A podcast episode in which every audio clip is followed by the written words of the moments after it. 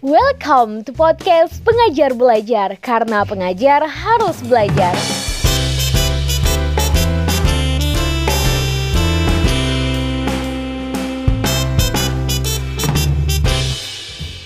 Halo teman pengajar belajar, kembali lagi dengan aku Lara dari tim kurikulum Pengajar Belajar.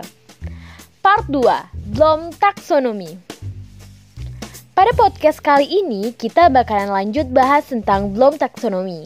Setelah di part 1 kita bahas tentang apa itu Blom Taksonomi, sejarahnya, serta revisi yang dilakukan oleh Anderson dan Cradwell, pada part 2 ini, kita bakalan bahas tentang belum taksonomi yang sudah direvisi, implementasinya pada proses pembelajaran, dan masih banyak lagi.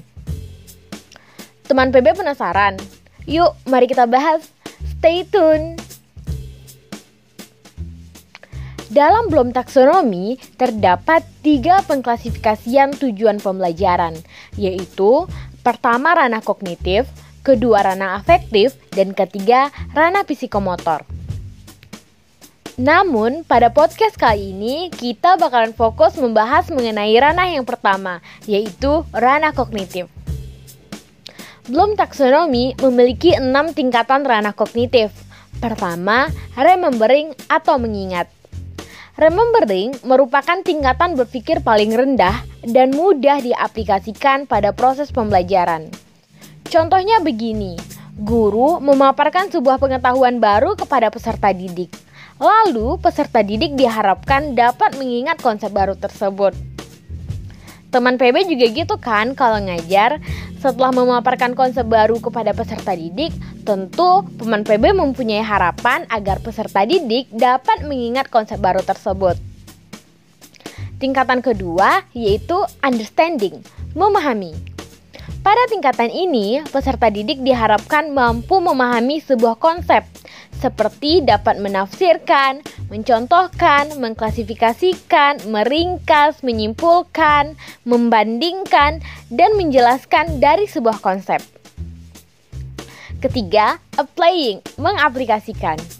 Pada tingkatan ini, peserta didik sudah mampu melakukan atau menggunakan sebuah prosedur untuk menerapkan sebuah konsep dalam kehidupan.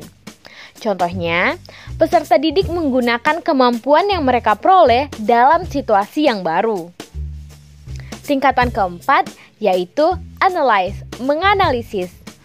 Tingkatan ini, peserta didik mulai mengembangkan pemahaman yang kuat tentang materi pembelajaran Peserta didik mampu memecahkan bahan menjadi bagian-bagian penyusun, menentukan bagaimana bagian-bagian tersebut saling berhubungan dengan keseluruhan struktur. Kelima, evaluating atau mengevaluasi. Pada tingkatan ini, peserta didik mampu membuat penilaian ataupun kritik berdasarkan kriteria dan standar yang sudah ada. Contohnya, Peserta didik harus mempresentasikan tentang sudut pandang mereka terhadap materi yang telah dipelajari. Dan tingkatan yang terakhir atau keenam yaitu creating, menciptakan. Creating adalah tingkatan tertinggi dalam ranah kognitif, di mana peserta didik diharapkan mampu menghasilkan, merencanakan, ataupun memproduksi sesuatu yang baru.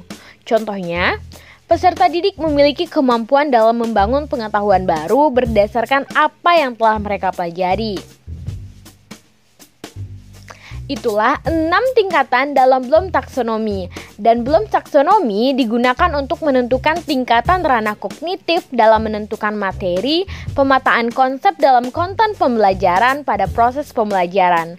Selain itu, belum taksonomi juga dapat digunakan sebagai standar atas pencapaian dari hasil belajar loh teman PB. Wah, keren banget ya penggunaan belum taksonomi pada proses pembelajaran. Tapi gimana sih implementasi belum taksonomi? Jadi bingung deh. Daripada bingung, yuk mari kita bahas gimana sih implementasi belum taksonomi pada proses pembelajaran. Pada proses pembelajaran, belum taksonomi tidak harus dimulai dari tingkatan yang rendah 1 ke tingkatan tertinggi 6. Namun dapat diterapkan dengan memilih beberapa kata kerja pada tingkatan tertentu dalam belum taksonomi. Jadi teman PP nggak harus berurut dari 1, 2, 3, 4, 5, 6. Tapi teman PB dapat memilih kata kerja mana yang akan teman PB gunakan dalam proses pembelajaran. Meskipun begitu, ada beberapa hal yang perlu diperhatikan dalam implementasi belum taksonomi pada proses pembelajaran. Apa aja ya yang harus diperhatikan? Hal-hal yang harus diperhatikan yaitu dalam mengaplikasikan belum taksonomi pada proses pembelajaran ada empat. Pertama, Sebelum memulai pembelajaran, guru harus menentukan tujuan pembelajaran terlebih dahulu. Teman PB juga gitu kan, sebelum mulai proses pembelajaran, pasti teman PB sudah menentukan tujuan pembelajarannya terlebih dahulu. Kedua, guru perlu memahami karakteristik peserta didik yang akan menerima materi pembelajaran dan diajarkan dalam proses pembelajaran. Seperti yang telah kita bahas pada part 1 bahwa setiap peserta didik memiliki karakteristik yang berbeda-beda. Maka dalam penerapan belum taksonomi pun guru harus memperhatikan karakteristik peserta didik. Ketiga, guru harus menentukan kompetensi apa yang ingin dicapai dengan memperhatikan kemampuan kognitif dari peserta didik. Dan yang terakhir, guru harus menentukan kata kerja dari belum taksonomi yang akan digunakan dan sesuai dengan tujuan pembelajaran dan kompetensi yang ingin dicapai, serta karakteristik dari materi yang disajikan. Itulah hal-hal yang perlu diperhatikan dalam implementasi belum taksonomi pada proses pembelajaran.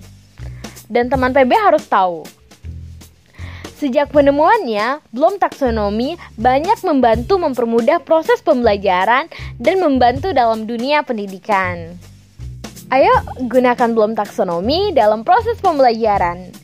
Sekian podcast kali ini, sampai jumpa di podcast berikutnya. Stay tune di pengajar belajar. Aku Lara, pamit undur diri. See you, bye-bye.